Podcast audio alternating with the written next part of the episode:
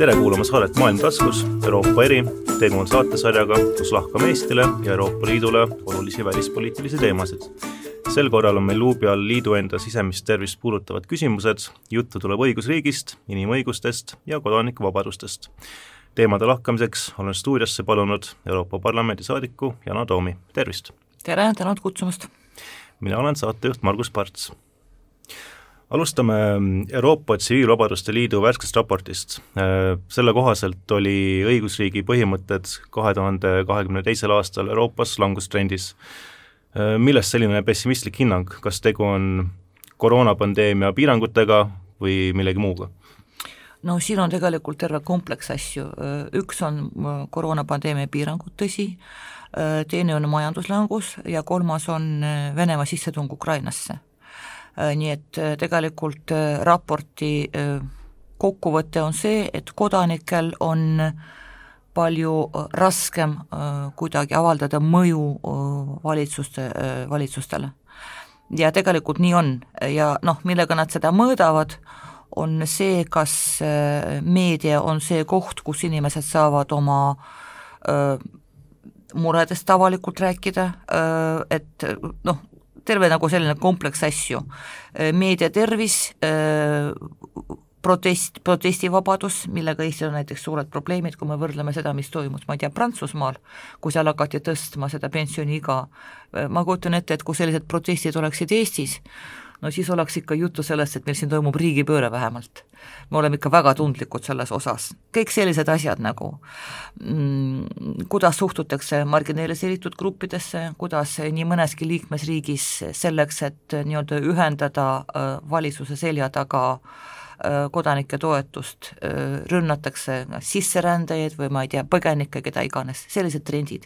ja ma pean ütlema, et ka parlamendis on seda tunda, noh, et see, see pandeemia, ta üldiselt demokraatiale äh, hea ei ole, sest kõikvõimalikud äh, kaugtöövormid paratamatult parlamentaarses demokraatias viivad selleni, et äh, suureneb kõikvõimalike tagatubade diilide oht, sest kui inimesed füüsiliselt kokku ei saa, siis see nagu infoga manipuleerimine on palju kergem. Nii et see on, see on üldine Euroopa probleem, jah peate silmas praegu parlamendi all Euroopa Parlamenti? Euroopa Parlamenti ja Euroopa Parlamenti pean silmas, aga see on, ma kujutan ette, et päris selline, see päris hästi peegeldab seda üldist nagu Euroopa trendi. Äh, sest ikkagi seal, kus inimesed äh, käivad füüsiliselt koos, äh, see infovahetus toimub palju kiiremini ja palju adekvaatsemalt kui kaugtöö vormis mida te peate silmas nende tagatubade diilide all, et oskate tuua mingeid näiteid? no eks neid näiteid on päris palju, et see, see, mis äratas praegu suuri nagu kahtlusi ka parlamendis, on kõikvõimalikud need pandeemiaaegsed äh, tarned, kuidas osteti Euroopa Liidu tasemel, ma ei tea, vaktsiine, kõiki need abivahendid ja nii edasi. et kuidas sõnumitega, SMS-idega nagu neid asju nagu klaariti ja kuidas, kui, kuivõrd kinni see kõik on et meil on tegelikult juba aastaid suured probleemid sellega, et mida nimetatakse lihtsalt transparency, läbipaistvus.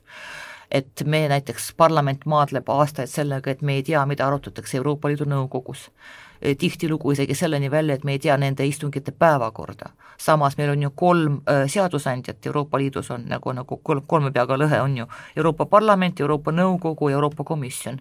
ja kui siis Euroopa Parlament äh, kuidas see asi käib. Euroopa Komisjon käib välja mingisuguse direktiivi projekti, Euroopa Parlament töötab selle läbi ja siis me saadame selle kolmepoolsetele läbirääkimistele, aga paralleelselt ka Euroopa äh, Nõukogu äh, kujundab oma seisukohta ja kuidas seda tehakse, milliste argumentidega, kes on poolt ja kes on vastu, seda me väljaspoolt ei tea ja siis on väga hea riigijuhtidel tulla välja ja öelda, et mina olin vastu, mul väänati käsi.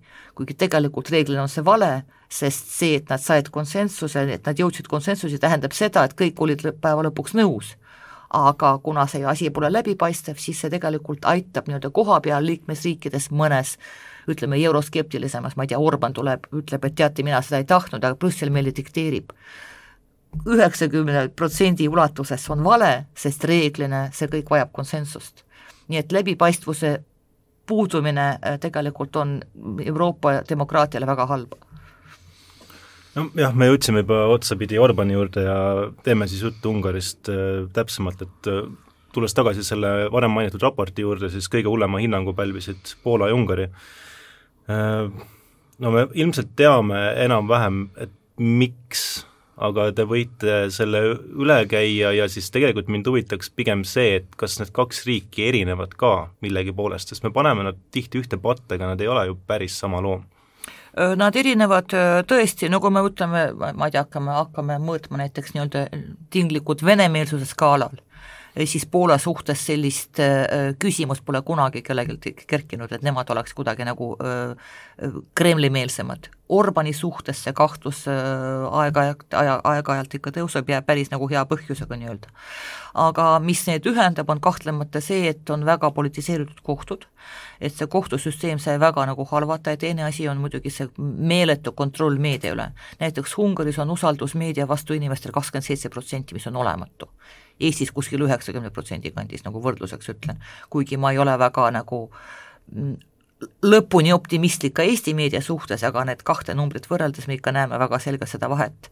Äh, seal ei ole äh, mingisugust äh, raamistikku, mis kuidagi reguleeriks seda riigipoolset reklaami, Ungaris terve meedia sisuliselt oli valimiskampaanial Orbani poolt nii-öelda, nii et sinna pääseda meediasse mingi alternatiivse seisukohaga on pea võimatu nii et need on nagu need probleemid, suuremad probleemid, teine probleem Ungari puhul on meeletu korruptsioon, äh, see, millest räägiti väga palju Euroopa Parlamendis ja mitte väga palju Eestis paraku, on see, et kõik need Euroopa rahad aastaid kasutati imelikul kombel, et kõiki neid riigihankeid võitsid mingisugused Orbani, ma ei tea, sõbrad, sugulased, äh, lähedased, praegu nad küll said hakkama suure korruptsioonivastase reformipaketiga, mis praegu võeti vastu, nii et nad noh, see Brüsseli surve äh, tegelikult toimib, aga see võtab aega.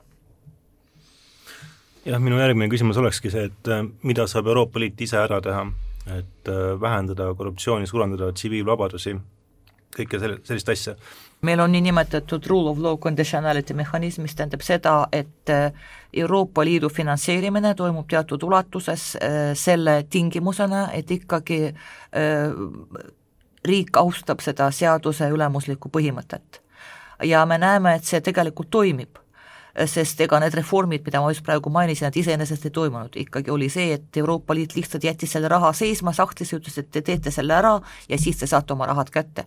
aga niimoodi me saame muidugi opereerida ainult nende riikide puhul, kes on netosaajad, mitte netomaksjad nii et aga need kaks liikmesriiki on veel netosaajad, nii et nad peavad sellega arvestama, siin pole mingit nagu küsimust.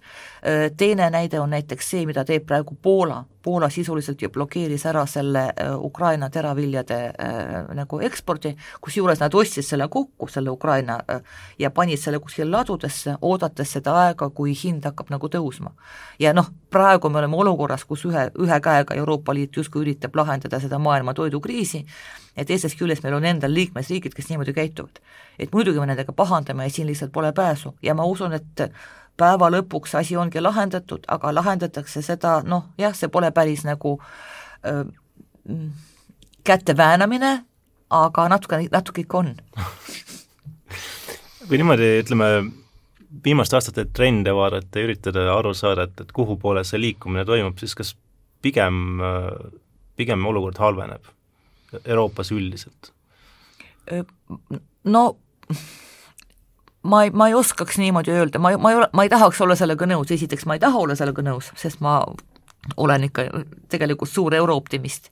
ja teisalt, kui me vaatame neid kriise, kus me just noh, kus me oleme, sest kui ma tulin Euroopa Parlamenti kaks tuhat neliteist, väga ruttu kogu poliitiline agenda oli nagu maetud põgenikekriisiga et me tegelesime põgenikekriisiga nagu mitu aastat, sest oli ju meeletu nagu põgenikelaene tuli sealt Itaalia ja Hispaania poolt, on ju, et miljonid inimesed tulid sisse. siis peale järgmisi valimisi esimene asi oli Covid, millega keegi ei osanud midagi nagu peale hakata. Ja siis nüüd sõda, sõda Ukrainas, et kui no olukord ei ole paremaks läinud, aga samas nendest kriisidest me ikkagi väljusime suhteliselt võitjana nii et ma ei ütle, et kõik on nagu väga halb. Ja me leiutame ka meetmeid, kuidas neid liikmesriike mõjutada. no ma toon ühe näide, näiteks seesama äh, SLAP äh,, strategic lawsuit against public participation, ehk siis see direktiiv, mis praegu võeti vastu, mis tegelikult peaks takistama selle, mis juhtus praegu Eesti Ekspressi ajakirjanikega kes said karistada selle eest, et nemad avaldasid mingisugust infot selle Swedbanka, Swedbanki rahapesu osas. Ja nad praegu on küll Riigikohtus, see halvendas Eesti positsiooni vastavalt sellele raportile, aga tegelikult Euroopa Liit praegu tegi, võttis vastu väga selge direktiivi, et sellised asjad tulevikus äh, ei ole lubatud. et ei ole võimalik vägistada äh, meediat selliste äh, kohtuhagidega, nagu seda tehakse ka Eestis paraku nüüd, või see, mis juhtus Katrin Lustiga kui Rai Sand läks tema vastu kohtusse, nõudes mingisuguseid ulmelisi summasid, mida selge, et ühel ajakirjanikul lihtsalt ei ole. see on praktika, mis on väga levinud paljudes liikmesriikides, kusjuures äh, asi läks nii kaugele käest ära juba, et äh, valitakse sellist liikmesriiki, mille seaduste alusel sa saad kergemini mm, nii-öelda panna sellel ajakirjanikul suu kinni, näiteks Rootsi ajakirjanike vastu minnakse kohtusse Maltal et see praktika nüüd praegu lõpeta-, lõpetatakse ära, nii et me reageerime vastavalt, võib-olla natuke aeglaselt, aga me oleme ka aeglane tänu sellele, et me oleme tegelikult väga avatud, väga demokraatlik selline ühendus, et siis, kui me leiame konsensus kahekümne seitsme eh, liikmesriigi vahel, on ikka, läheb paar aastat mööda, aga noh, paraku nii on. praegu on üks suuri tüliküsimusi see äh, migrantide kohtlemine Valgevene hübriidrünnaku korral, nimelt see, et Leedu sisuliselt ratifitseeris äh, pushback'id, ütles, et on täiesti okei okay inimesi piirilt tagasi saata ja ma olen aru saanud, et selle osas on väga ambivalentne seisukoht, ütleme, avalikkuses, et noh, ühtepidi justkui oleks see okei okay,, et noh, tuuaksegi kunstlikult tuhandeid inimesi piirile ja üritatakse neid kuhugile riiki sisse suunata, teistpidi jällegi noh, kui me saadame inimesed tagasi ilma vastavaid protseduure tegemata, siis me sisuliselt rikume inimõigusi et äh, võib-olla ma nüüd ise vastasin nende küsimusele ka, aga ma tahaks küsida, et, et miks see teema on nii problemaatiline ja kuidas seda üldse Euroopa Liidu tasandil praegu käsitletakse? Äh, no tegelikult Euroopa Liidu tasandil äh, seda selgelt mõisteti hukka, veel enne seda, kui, tegelikult Leedu teeb seda juba ammu Nad teevad seda ammu, praegu nad lihtsalt panid selle seadusesse kirja. mis mind hämmastas kõige rohkem, on see, et seal on kirjas see, et kui inimene suudab äh, läbida selle vahemaa viis kilomeetrit äh, sisse piirist kaugemale, siis temaga räägitakse, kui ta jääb vahele kuue kilomeetri kaugusel piiri pealt, siis tema käest küsitate, küsitakse, mida sõber sa siin teed, et mis on su plaan, et kuidas sa siia sattusid, siis võib-olla äh, ta saab asüüli taotleda. kui ta piisavalt kiiresti ei jookse või eksib metsas ära, siis temaga isegi ei räägita ja see meenutab mingisugust safarit ausalt öeldes juba nagu, et see pole, see pole okei okay, selline lähenemine. ja iseenesest need inimesed, kes kaitsevad praegu seda Leedu nagu sammu, nad ju, olgem ausad, nad ei mõtle, et need inimesed seal piiri peal tegelikult on inimesed. et kui me räägime, et see on Lukašenka hübriidsõja äh, relv, see vastab tõele. aga samas see relv võib olla rase naine, see võib olla mingisugune vanamees lastega ja nii edasi ja nii on. siin hiljuti oli eh, BBC-s eh, suur artikkel, kus nad rääkisid, nad võtsid intervjuu nendelt inimestelt, kes seal olid piiri peal talvel ja see on ikka päris õudne, mida räägitakse, mõnda peret eh, visati tagasi kakskümmend seitse korda. sest ega need valgevenelased, need ka ei kohtle inimlikult muidugi, aga kas me peame käituma samamoodi, see on suur küsimus minu jaoks ja samas meil on olemas äh, rahvusvaheliselt äh, kui me, kui me astusime sellesse klubi, mille nimi on Euroopa Liit, siis me kõik võtsime vastu teatud kohustused ja neid kohustusi peaks täitma. võib piiri peal välja ehitada ka Euroopa Liidu abil mingisugused, ma ei tea, laagrid, vastuvõtupunktid ja nii edasi. ja eelmine kord, kus see rünnak toimus, siis see lahendati ju sellisel viisil, et nad lõpetasid selle lennuühenduse. nii et need läbirääkimised tuleb pidada lennuühenduse osas, aga inimesi peab kohtlema väärikalt aga mis nüüd edasi saab?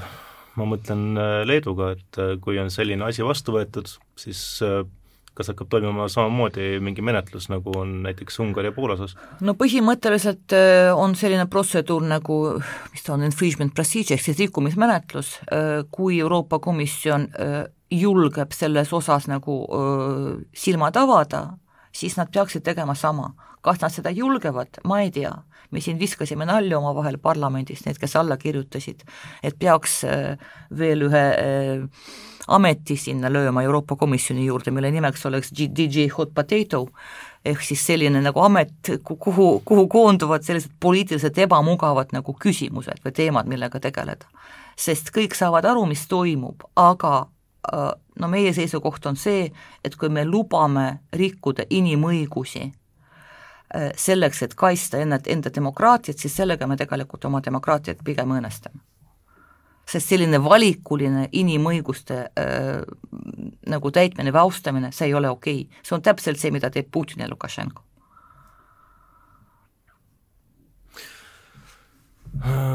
sama soojaga jätkates äh, noh, teie üks prioriteet on olnud mittekodanike õigused. ja see on täpselt samamoodi see hot potato teema natukene, et see on poliitiliselt ebamugav, sellega väga ei tahetud tegeleda, aga oskate praegu seletada, mis on see niimoodi üldine taust, kuidas sellega tegeletakse üldse Euroopa Liidus, et no ma saan aru, et tegelikult erinevatel liikmesriikidel on see küsimus üsna erinev, et, et noh, see mittekodanike rahvus iseenesest juba määrab üsna palju, eks ole, et noh, meil on see küsimus võib-olla äh, Venemaalt pärit inimestega ja teistes liikmeriik, liikmesriikides see nii ei ole. Äh, ei ole ja ma lähen äh, kaheksandal, üheksandal juunil äh, Madridis toimub üks suur rahvusvaheline konverents, mida korraldab European Network for, Network for Statelessness ehk siis Euroopa mm, no aidake mind nüüd välja, nad pole mittekodanikud, see on see sõna, mida me siin Eestis kasutame ja see sõna tegelikult peidab ära selle sisu et äh, steetlastes on ikkagi see inimene, kellel ei ole mingisugust, mingisugust kodakondsust. meie siin nimetame neid määratlemata äh, kodakondsusega isikuteks, tehes nägu, nagu nad lihtsalt ei suuda valida, istuvad kolmkümmend aastat ja ei suuda nagu valida, mis, mis kodakondsus võtta. küsimus ei ole selles, küsimus on selles, et meil on inimesed, kes alguses ei kvalifitseerunud selleks, et saada Eesti kodakondsus, nüüd räägitakse, nad said, need oli võimalus, võimalus naturaliseeruda, mis vastab ka tõele muidugi, aga no minu puhul see on väga selline personaalne lugu, mul oli isa, kes tuli siia elama aastal viiskümmend seitse, abiellus minu emaga, ta oli Moskvast pärit, venelane, jah, ta ei õppinud keelt ära, mis on muidugi väga kurb, aga ta siit kaks aastat tagasi suri oma halli passiga, noh, ja viimased kümme aastat oma elust ta oli sisuliselt voodihaige. ja no mingist keeleõppest ei olnud nagu juttu, nii et peaks nagu minu arvates me peaksime olema kuidagi nagu empaatilisemad, vähemalt vanemate inimese osas, aga me ei ole. ja kui ma siin hiljuti küsisin ühes teises saates valmistades mm, Vene saatkonna statistikat, siis mulle öeldi, ja ma usun seda, sest ka meie statistika seda kaudselt nagu öö, toetab, et nende inimeste arv, kes praegu võtavad Venemaa kodakondsust, ma mõtlen halli passi mehi, suurem, on suurem kui nende arv, kes tahab Vene kodakondsusest loobuda ja kui ma küsisin Siseministeeriumist, siis tuligi välja, et äh, sõja algusest üle kolmesaja äh, halli passi inimese said teise riigi kodakondsuse ja see pole Eesti riik. ja siin tegelikult väga valikuid ei ole. see on üheksakümmend protsenti muidugi Ukraina äh,, Venemaa, sest Ukraina kodakondsuse saamine on praegu tehniliselt võimatu kuna nad ei saa neid passe printida ja nii edasi, nad lihtsalt praegu seda ei, ei anna. ja muid valikuid siin väga nagu ei ole. nii et see tegelikult see meie nagu põikpäisus maksab meile kätte. aga miks ma hakkasin sellest Madridist rääkima, sest sinna just tulevad inimesed erinevatest liikmesriikidest, need probleeme on Hispaanias, need on Küprosel, need igal pool. ja pluss need on migrantidega, need äh, väga paljud sõjapõgenikud, kes tulid Euroopasse, nendel näiteks aegub nende riigi pass, nad ei saa sinna tagasi ja nad muutuvad täitsa nagu noh, neil ei ole mitte midagi. nii et see probleem on väga äh, erinev äh, liikmesriikides, aga Eesti ja Läti, Läti puhul on see, et me ei, ei tunnista neid inimesi apatriidideks, kuigi nemad tegelikult on millest see tuleneb, et äh, need kolmsada inimest nüüd võtsid äh, Venemaa kodakondsuse, et miks mitte jätkata lihtsalt teate, ma ei ole ühtegi sellist inimest kohanud äh, ja miks seda tehakse, ma tõesti ei tea. ma jään siit vastuse võlgu. aga ilmselt see Ukraina, Ukraina dimensiooni osas nii-öelda meie ühiskond on palju rohkem katki, kui see välja paistab. ma arvan nii aga keegi mulle pole avalikult öelnud, et mina nüüd võtsin selle nagu Venemaa passi, tahan olla nagu ma ei tea, Putini poolt või mis iganes. ma ei oska teile öelda päriselt. ja milliseid lahendusi Madridist võiks oodata, noh, ilmselt see probleem ei lahene niipea, aga ei, lahendusi, lahendusi sealt oodata nagu ei ole, ausalt öeldes, ja no ma, ma olen suhteliselt eh, pessimistlik sest ma annan ju endale aru, et isegi enne äh, selle sõja algust, kuigi ma tulin Euroopa Parlamenti kaks tuhat neliteist, äh, see oli juba peale Krimmi annekteerimist, äh, ja ma mäletan, meie esimene plenaar oli siis, kui lasti maha see Malaisia Boeing. et juba siis tulla välja mingi vene vähemuse teemaga, see oli nagu suht selline noh, lootusetu ettevõtmine. praegu on asi muidugi palju hullem. praegu on asi palju hullem, sest lihtsalt inimesed saavad nagu aru, et see on probleem aga see on niivõrd äh, hot potato, et keegi nagu ei, ei võta vedada. Ja isegi see meie nagu kuulus viisabänn, mis on jällegi minu arvates see, mille Eesti, Poola, Leedu ja Läti nagu otsustasid eelmise aasta septembris, see on tegelikult selge Schengeni koodeksi rikkumine. Ja komisjon on tegelikult minuga nõus, kui me omavahel räägime. aga minna seda nii-öelda näppima nad väga ei julge, sest Venemaa oht on reaalsus ja öeldaksegi selgelt välja, et see on collateral damage ehk siis kaasnev kahju. no mulle nagu iseenesest, ma, ma olen tulihingeline liberaal ja minu jaoks on nagu täiesti vastuvõtmatu rääkida sellest, et osade inimeste inimõigused kuidagi saavad olla kahjustatud tänu sellele, et nad räägivad mingit valet keelt kodus, see pole okei okay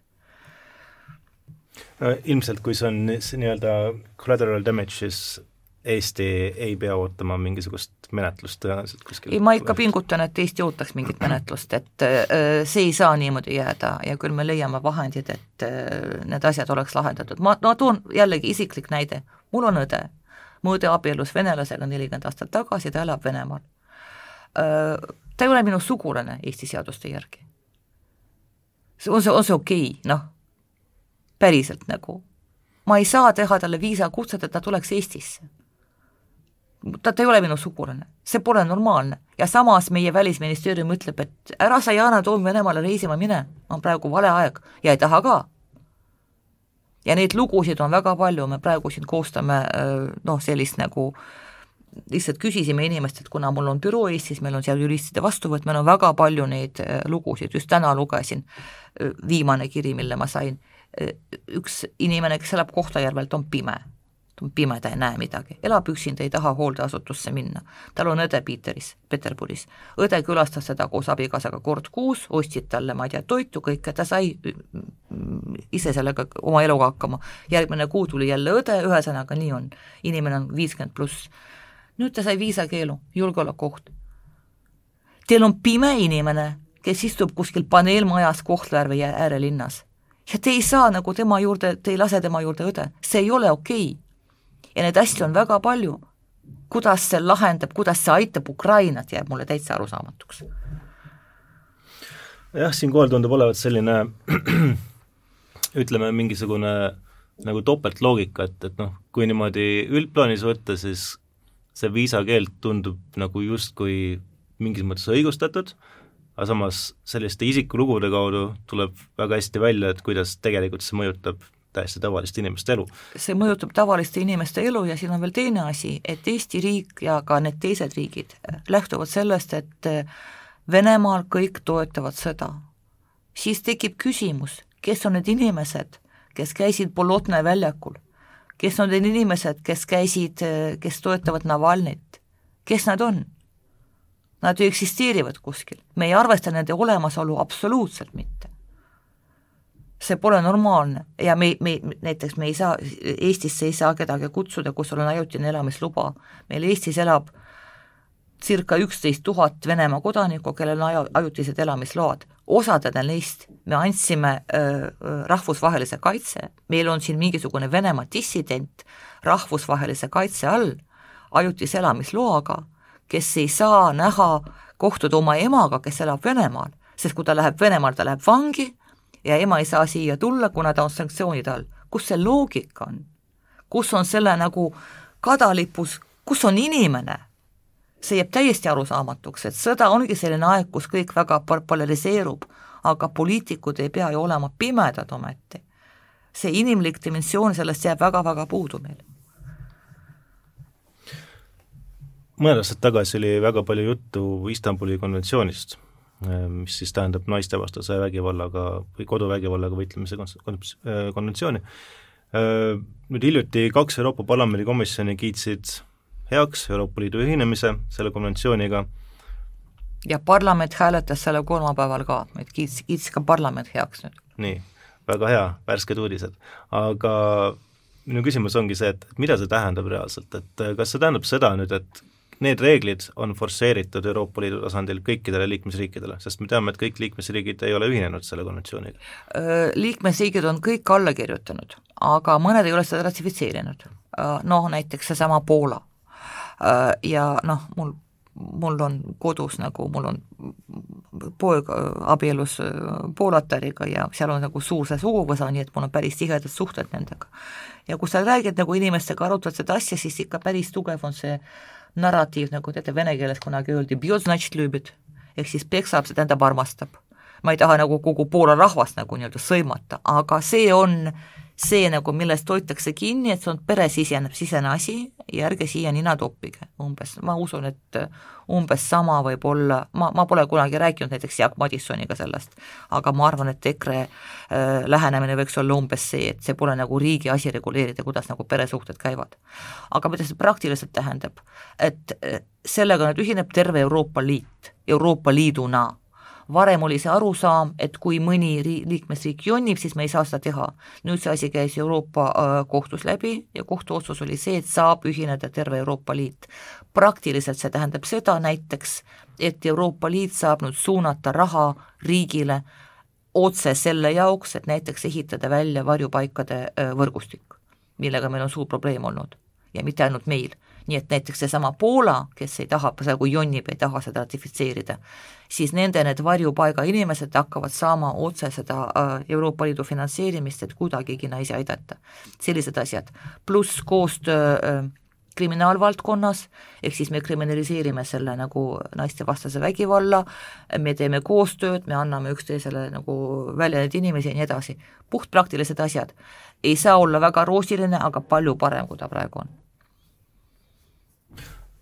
aga need riigid, kes seda ei ole ratifitseerinud ja kes ei ratifitseeri, neile ma saan aru, et ei kehti sisuliselt see konventsioon siis? no siis läheb selliseks äh, justkui käte väänamiseks, on ju.